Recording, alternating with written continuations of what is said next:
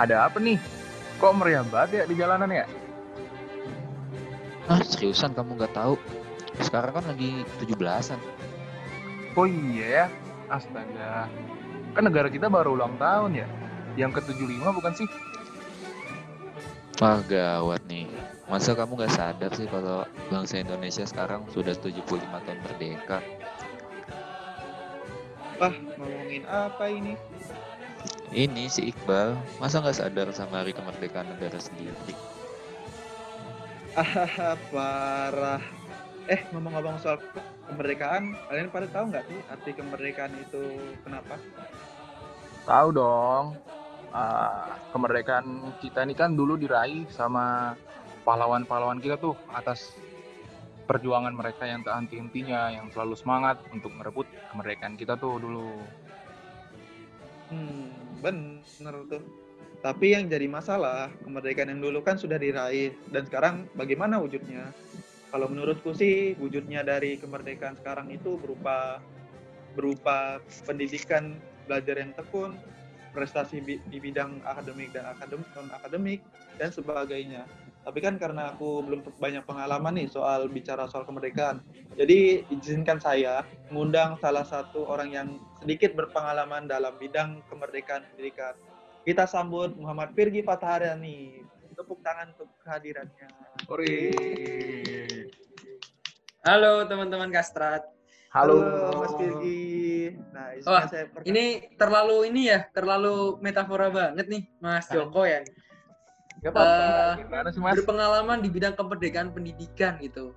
Wah, ini sangat sangat eh, berlebihan sih menurut saya. Ya mungkin kita sekedar sharing-sharing aja di diskusi sama teman-teman Kastra juga arti kemerdekaan itu apa. But anyway, thanks for having me tonight. Oke, thank you and you're welcome. And biar saya lanjutkan lagi ya perkenalannya. Jadi dia ini adalah Mas Firgi Fatarani, salah satu pemimpin dari Himpunan Mahasiswa Teknik Perkapalan FTK ITS yang saat ini sedang menjabat. Nah, Mantap. berbic- berbicara soal kemerdekaan, tadi kan saya sudah buka masalah nih soal wujud kemerdekaan kita yang sekarang. Tapi kayaknya kata si Aji sama Merko nih nggak ada yang bisa jawab nih Mas Firgi. Menurutmu gimana ya? Kata Iqbal kali Mas, bukan kata Medpo. Kata Aji, oh iya tak ngomong Iqbal itu tak Merko tak. Iya Mas. Tapi nggak apa-apa deh Mas. Iya sih sebenarnya gimana ya Mas Firgi ya? Aku setelah dapat pertanyaan dari Mas Aziz tadi, jadi agak bingung nih buat jawabnya. Soal wujud kemerdekaan ini gimana? Oke teman-teman, Eh, merdeka ya. Bicara soal merdeka itu ibaratnya, wah berat banget sebenarnya. Merdeka itu luas-luas banget juga.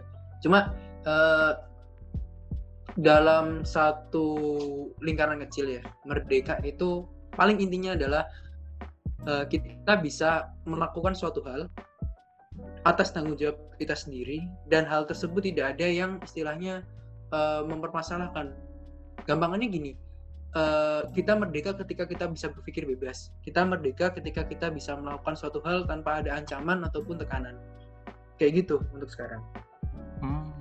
Nah, tapi nih, tapi kalau misalnya aspek merdeka secara keseluruhan, yaitu tiap orang saya rasa punya eh, pemikiran merdeka be- berbeda-beda ya, gitu. Tapi eh, intinya sih hampir sama sih mungkin. Bagaimana kita bertanggung jawab atas diri kita sendiri, gitu. Oh gitu Mas ya. Terus Mas, kalau misalnya wujud merdeka dalam belajar sendiri itu menurut Mas seperti apa ya? Hmm, merdeka dalam belajar ya. Ah, itu kan salah satu programnya ini ya kalau sekarang ya, setahu setahuku ya, programnya Mas Mas Menteri ya, Pak Menteri. Jadi eh, ada program di mana yang namanya Kamus Merdeka kalau nggak salah. Sebenarnya kan untuk program Kamus Merdeka ini kan tujuannya eh, bagus ya, yaitu kebijakan agar mahasiswa itu bisa menguasai berbagai keilmuan yang berguna untuk masuk dunia kerja. Nah, eh, salah satu poin pokok sebenarnya dalam arti merdeka belajar itu adalah ketika kita belajar suatu hal tanpa dibatasi. gitu. Nah, sementara yang kita lihat sekarang kan banyak tuh hal-hal yang dibatasi sekarang. Misal kita belajar ideologi A, kita belajar ideologi B gitu. Nah sebenarnya sih uh, tergantung juga sih gimana teman-teman menang menanggapinya dan gimana masyarakat luas juga menang menanggapinya.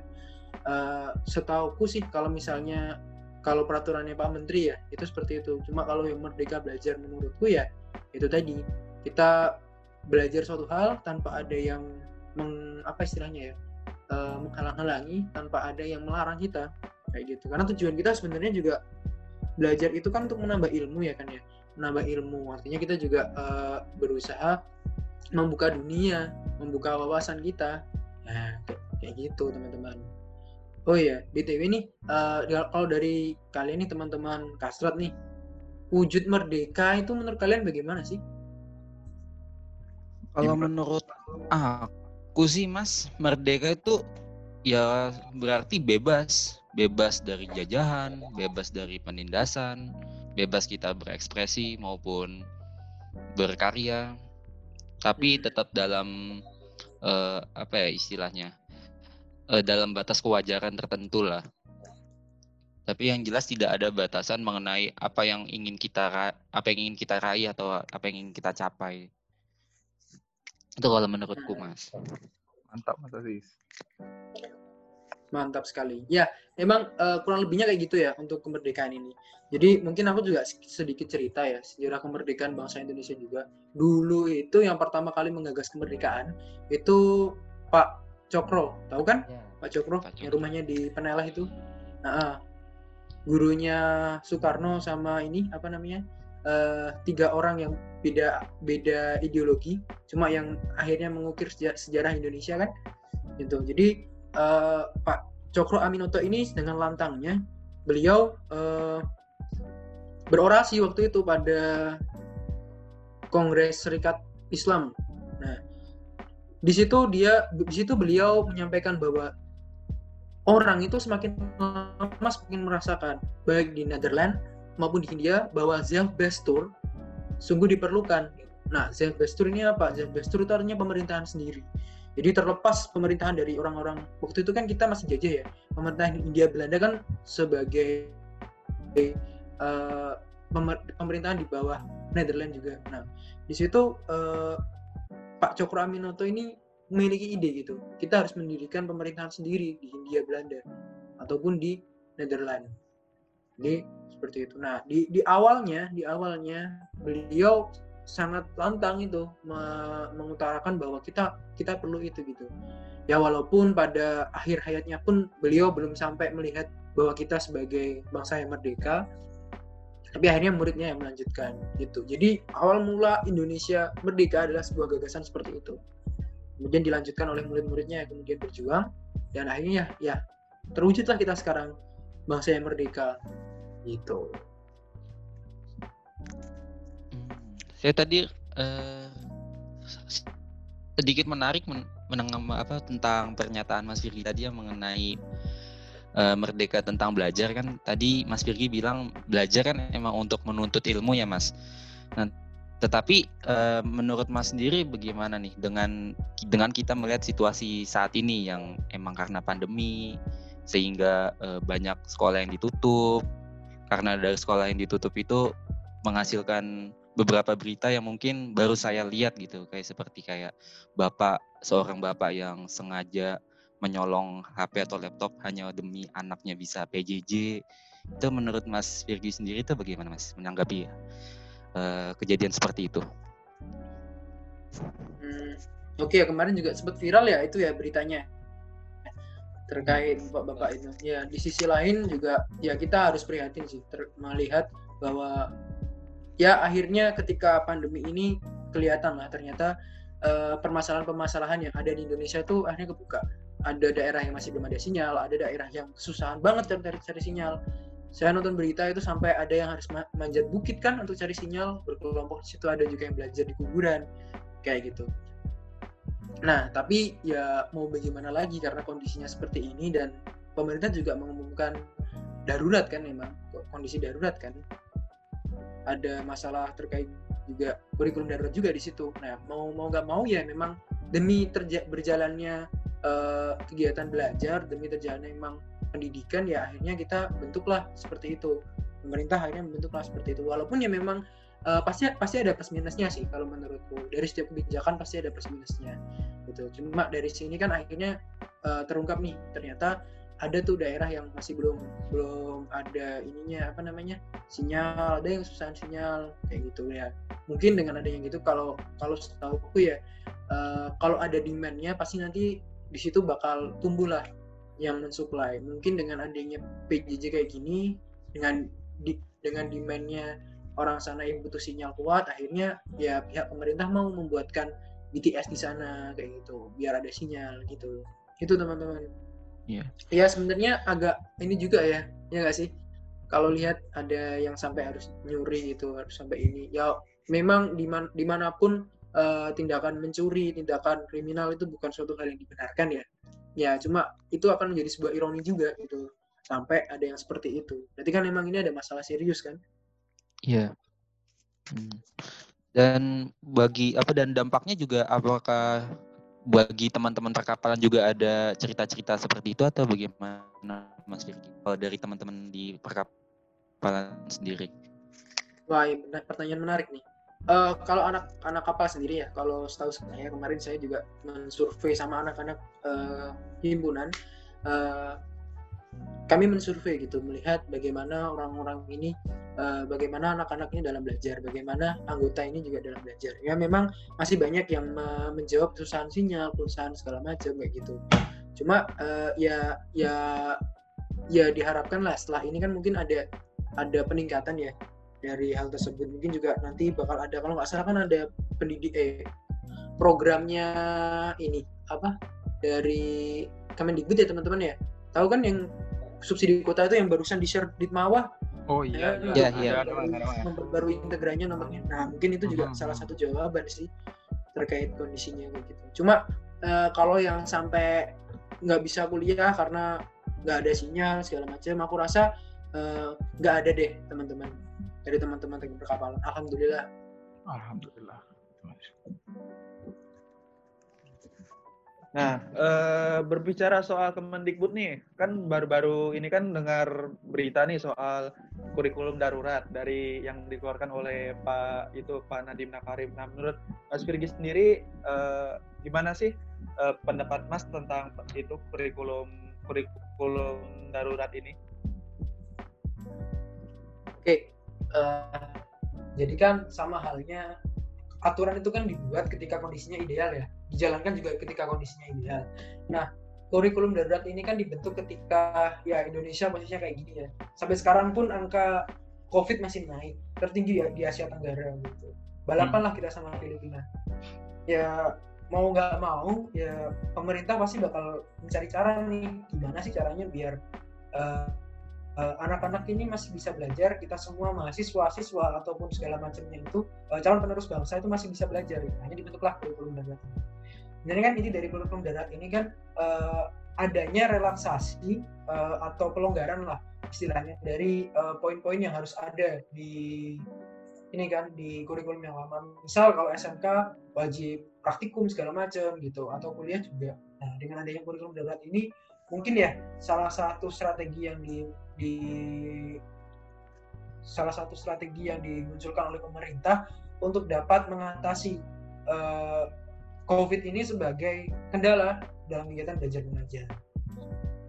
Jadi seperti itu kalau misalnya kurikulum darurat ini dan memang ya sama halnya seperti yang saya sampaikan tadi bahwa setiap kebijakan pasti ada pro kontranya dan kadang kan juga uh, contoh nih aku nih KP aku nih KP kan kalau kita turun ke lapangan kan mungkin kita bisa langsung melihat nih ya kan? Langsung melihat kondisinya gimana kita survei kapal kita bisa lihat oh ini ternyata yang survei gini. Kita melakukan pengetesan oh ternyata magnetic particle test di galangan itu seperti apa sih? Ya gitu atau duty testing itu juga kayak apa sih? Itu kan kita tahu. Cuma kan kalau sekarang kan gini kan mungkin juga uh, diubah ya akhirnya online gitu. Ya intinya kurikulum darurat ini ya memang wujud relaksasi sih menurutku relaksasi dari pemerintah.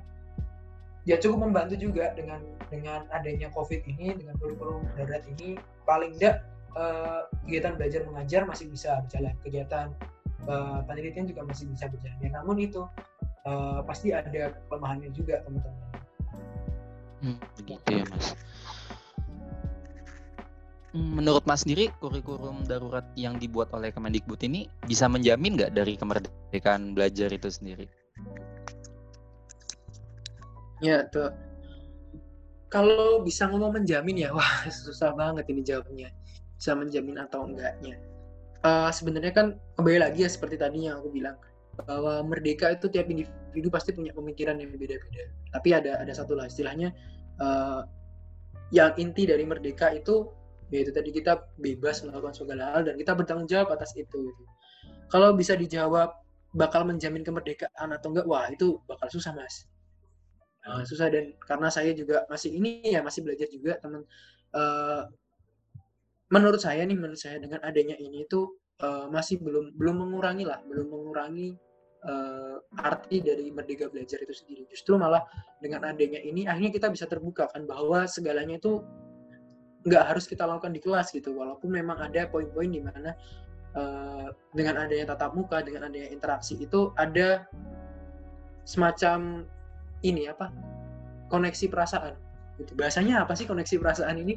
Kayak kayak misal ada keterikatan gitu keterikatan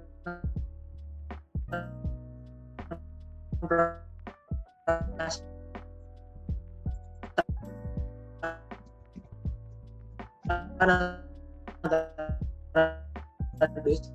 dosen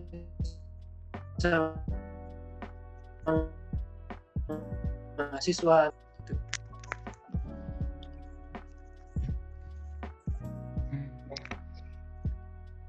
Uh, Oke okay, mas, mungkin aku ada pertanyaan lagi sih, tapi ini bukan berkaitan dengan Merdeka Belajar, tapi masih ada sangkut pautnya dengan Merdeka itu sendiri uh, ini Mas, jadi kemarin-kemarin ini kan sempat ada berita heboh. Yang mana tuh? Oh, apa tuh? Yang mana tuh? Yang apa tuh? ini loh, aduh ngomongnya yang jering, jering, jering itu loh, jering. Wih, nah, kenapa tuh jering? Kenapa tuh? ya, uh, kan jering ini kan ditangkap karena istilahnya ya di disangkakan kan dengan pasal UU ITE lah yang artinya uh, yang artinya juga kan banyak yang menafsirkan kalau UU ITE ini kan pasal karet. Nah, uh, apakah kemerdekaan kita dalam menyampaikan pendapat makin ke sini tuh makin turun mas, makin tidak merdeka. Menurut mas sendiri gimana menanggapi kondisi ini gitu dengan kasus contoh kasus ya Jiring ini? Hmm.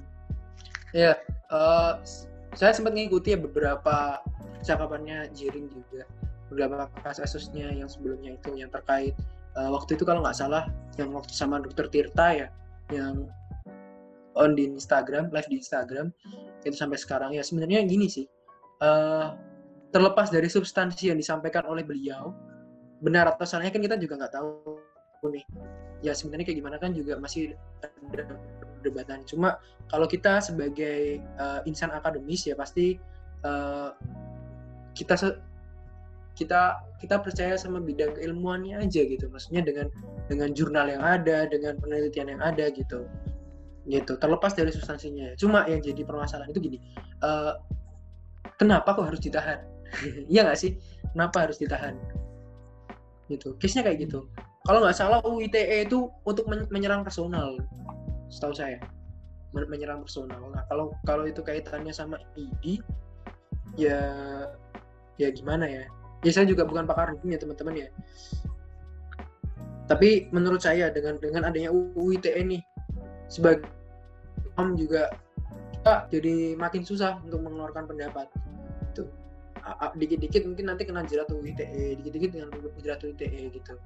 Tapi sebenarnya dari situ tuh ada nilai positifnya gitu teman-teman apa nilai positifnya? Kita berpendapat itu uh, nggak nggak serta merta enak udel kita ya nggak sih? Iya yeah. iya. Kan? Hmm, benar tuh benar benar. Jadi ada ada itunya gitu loh ada uh, batasannya dan kita bisa bertanggung jawabkan omongan kita. Jadi kayak gitu. Nah kalau misalnya masalah kemerdekaan segala macam mendapat pendapat itu kan salah satu prinsip yang ada di demokrasi kan ya. Benar benar. Jadi jadi ya ya ya ya mau gimana ya? Semisal berpendapat pun dikekang dan kondisinya kalau kita ambil jaring ya ya sebenarnya nggak ada yang salah dalam berpendapat. Mungkin substansinya juga salah yang disampaikan. Tapi menurut saya semakin ke sini semakin ke sini kita makin susah untuk berpendapat. Itu. Makin susah untuk berpendapat karena apa ya? Karena dua itu tadi. Ada pendapat yang ngawur yang nggak bisa dipertanggungjawabkan cuma sering. Itu kan permainannya buzzer-buzzer kan kalau dilihat. Tiba-tiba ada kayak gini nih tiba-tiba kayak ini nih. Mhm. nah kayak gitu. Ini ada plus minusnya sih teman-teman.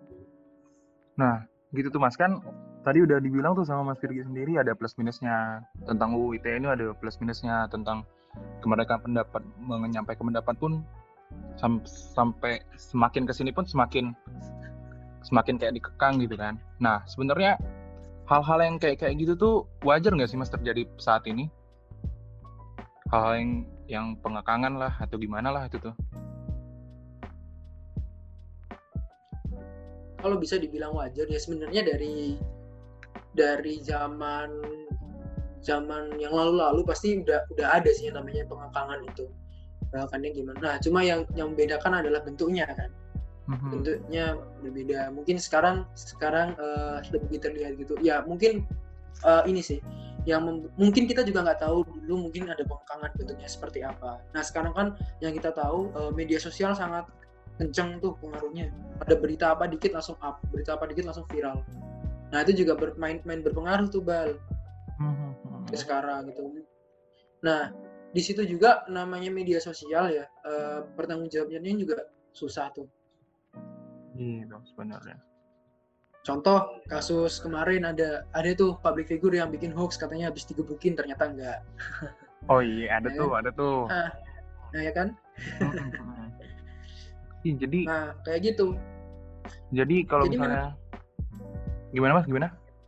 Oke, jadi memang kalau misalnya sekarang nih eh, pengangkangan kayak gitu wajar atau enggak ya bisa dibilang kalau namanya pemerintah pemerintahan kita mungkin masih berdemokrasi dengan baik ya sebenarnya terbukalah itu hak untuk berpendapat. Cuma kadang yang membuat hak itu berpendapat menjadikan suatu hal yang eh, tidak tepat adalah bagaimana cara bertanggung jawabnya.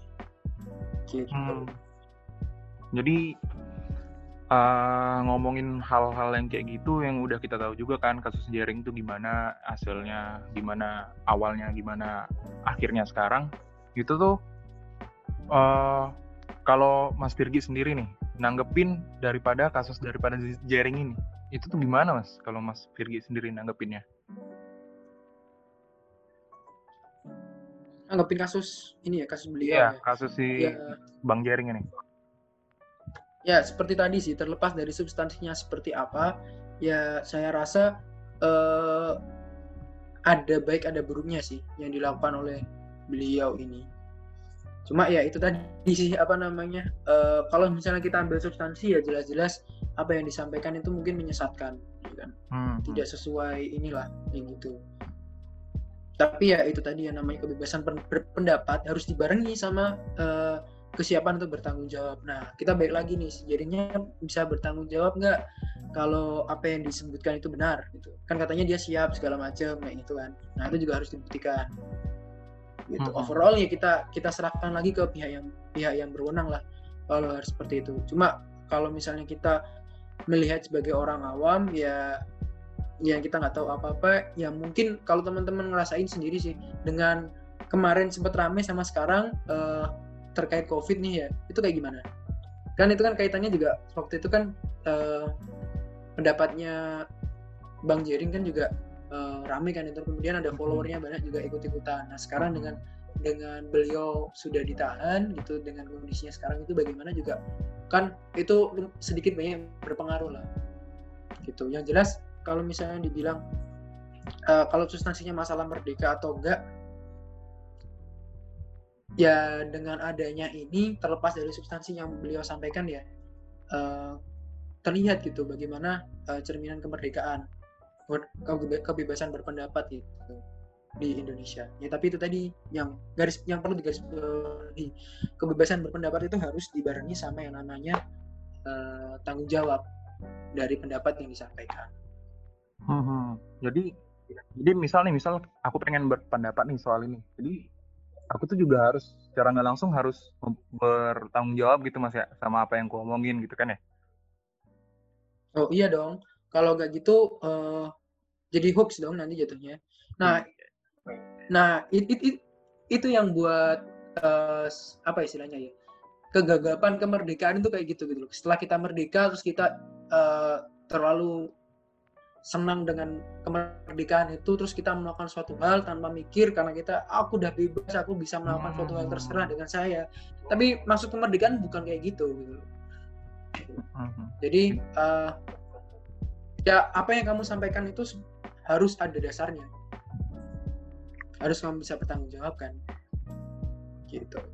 Mantap mantap. Terus gini nih mas, Agak susah ya sebenarnya ya Iya, buat bahas sebenarnya- kemerdekaan ini. bahas kemerdekaan ini agak agak takut-takut salah nyampein atau gimana sebenarnya kan? Iya, iya, Bro. Iya, Tapi- ini ini aja aku juga baca-baca kan dari dari waktu Aziz itu ngasih eh, keterangan besok bawain ini Gi gitu kita undang di podcast gitu. Nah, aku juga sempat baca-baca, waduh berat banget ini kemerdekaan. Tapi nggak apa-apa loh mas. ya Itu kan aku sampein jadi aku kayak, sampein sebisa aku ya teman ya. Jadi kayak ini kan kayak langkah konkret kita gitu lah ya untuk mencerdaskan teman-teman gitu kan. yep yep tapi yang perlu di ini ya teman-teman ya eh ini sih. Setelah dengerin podcast ini mungkin nanti teman-teman juga lakukan research sendiri gitu. Oh bagaimana gitu. Karena ya ya kita kita sebagai ini ya dan saya saya pun mengakui bahwa eh, makna kemerdekaan itu tiap orang pasti berbeda betul nggak Betul betul sekali mas. Nah, Setuju aku. Nah, kemerdekaan itu pasti berbeda Hmm. dan opini atas kasus yang kemarin Bang Jering alami juga itu pasti berbeda. Gitu. Hmm, Jadi hmm, hmm. ya monggo mau yang mana gitu. Jadi teman-teman silakan aja nih berpendapat. Kalau misalnya pendapatnya beda sama isi podcast ini nggak apa-apa teman-teman. Eh, balik lagi nih mas ya, mas ya. Kan bisa ditanggung jawabin. Iya, selalu bisa bertanggung jawab aja dah. Balik aja nih, balik balik lagi nih. Ada satu pertanyaan lagi nih sebenarnya soal kasus, eh bukan kasus sih, soal ini nih sebenarnya soal kemerdekaan menyampaikan pendapat nih. Kan kita udah tahu nih tadi udah disampaikan sama Mas Virgi, kita nih sekarang kayak gini dengan kasus Bang Jering tuh jadi kayak gini. Nah, Mas Virgi sendiri eh, nanggepin hal-hal kayak gitu tuh sebagai masalah nggak sih Mas di dalam kemerdekaan Indonesia yang udah 75 tahun ini?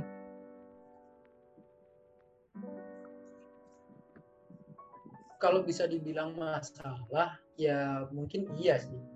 Hmm. Karena ya gimana eh, mungkin yang perlu kita perbaiki adalah bagaimana kita mendidik bahwa kemerdekaan itu seperti apa sih dan kebebasan berpendapat itu seperti apa sih gitu agar ya itu tadi ketika mau berpendapat bersegala macam itu eh, kita bisa tahu oh yang benar kayak gimana sih? Oh yang salah itu kayak gimana sih? Dan kita perlu rubah lah gitu. Sekarang kan yang jadi tantangan Indonesia tantangan demokrasi Indonesia sekarang kan itu apa namanya? Hoax berita bohong. Hmm. terus adu domba segala macam itu. Nah padahal eh, kalau dilihat-lihat ya sebenarnya ya terlepas dari dari baik buruknya substansinya itu tadi baik lagi ya terlepas dari substansinya eh, Indonesia itu sudah lumayan progresif Hmm. untuk berdemokrasi. Cuma ya mungkin ada beberapa kategori yang mungkin belum belum bisa kita selesaikan. Gitu ya mungkin nanti mungkin nanti nih salah satu dari kalian eh, mungkin Iqbal mungkin Ajis mungkin Joko bisa tuh jadi calon wakil rakyat tuh ya kan Amin, siapa tahu Mas ya. Iya, mungkin kan Iqbal habis ini kan Korea ya kan. Korea terus nanti pulang ke Indonesia buat pengalaman dari Korea. Akhirnya rubahlah Indonesia. Amin Nah, gitu sih. Oh, oh, oh, oh. Terus kalau misalnya kita nganggap itu sebagai masalah nih, nah sebagai kita mahasiswa nih, mahasiswa sekarang nih, eh, langkah pencegahan sama solusi yang bisa kita lakuin itu sebenarnya yang kayak kayak gimana sih Mas?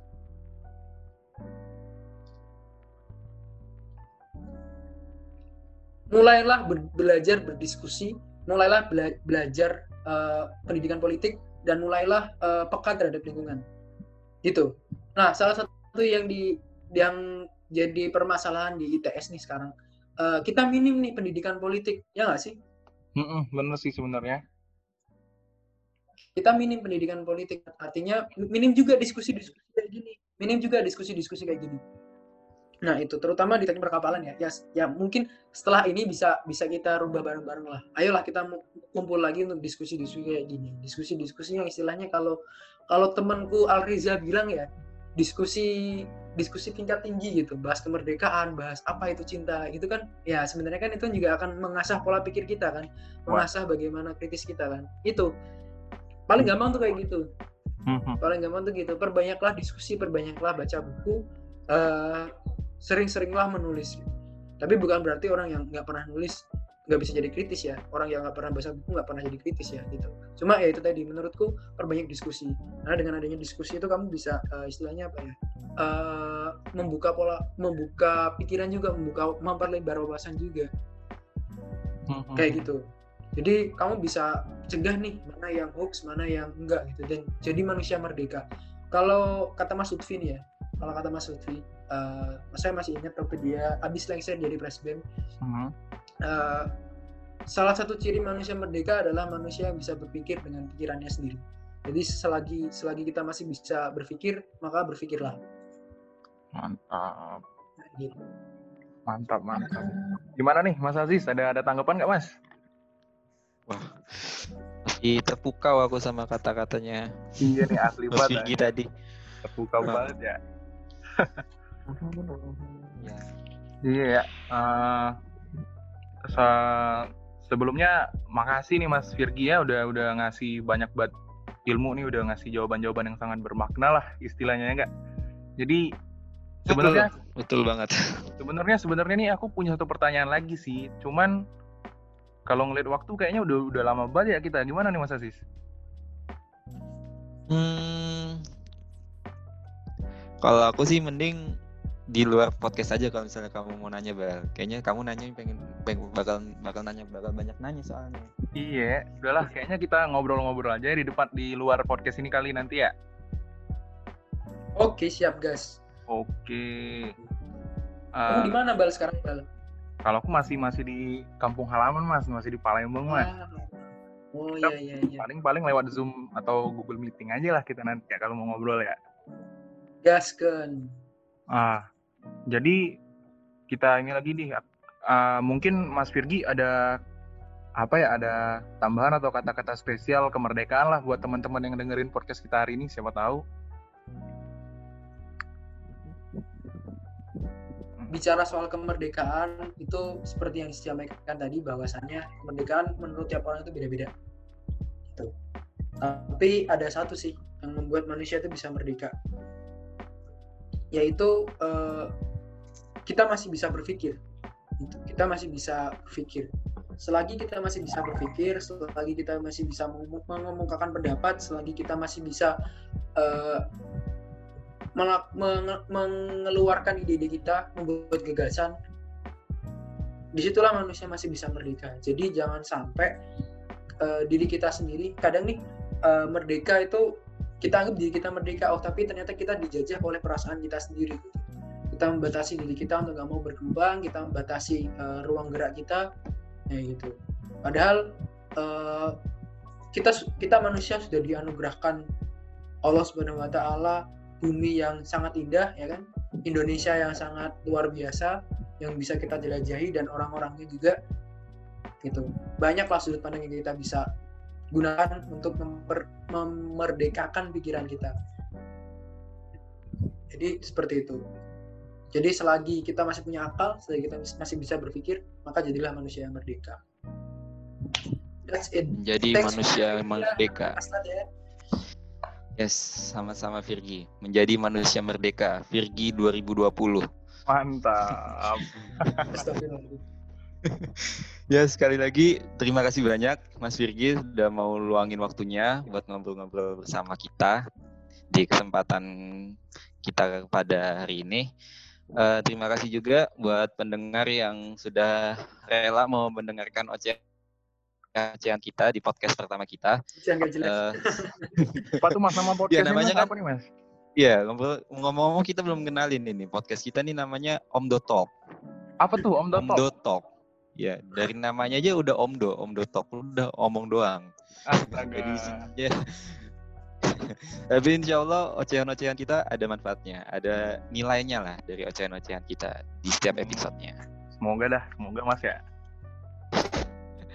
Ya, sekali lagi terima kasih ke Mas Firgi dan Terima kasih buat teman-teman yang telah mendengarkan episode pertama daripada Om Dotop, podcast dari Kastrat Himatekpal. Jadi semoga apa yang kita bicarakan, apa yang teman-teman dengerin dari podcast kita hari ini bermanfaat bagi teman-teman dan bagi kita yang kita semuanya. Nantikan kami di episode-episode Om Dotop podcast Kastrat Himatekpal berikutnya.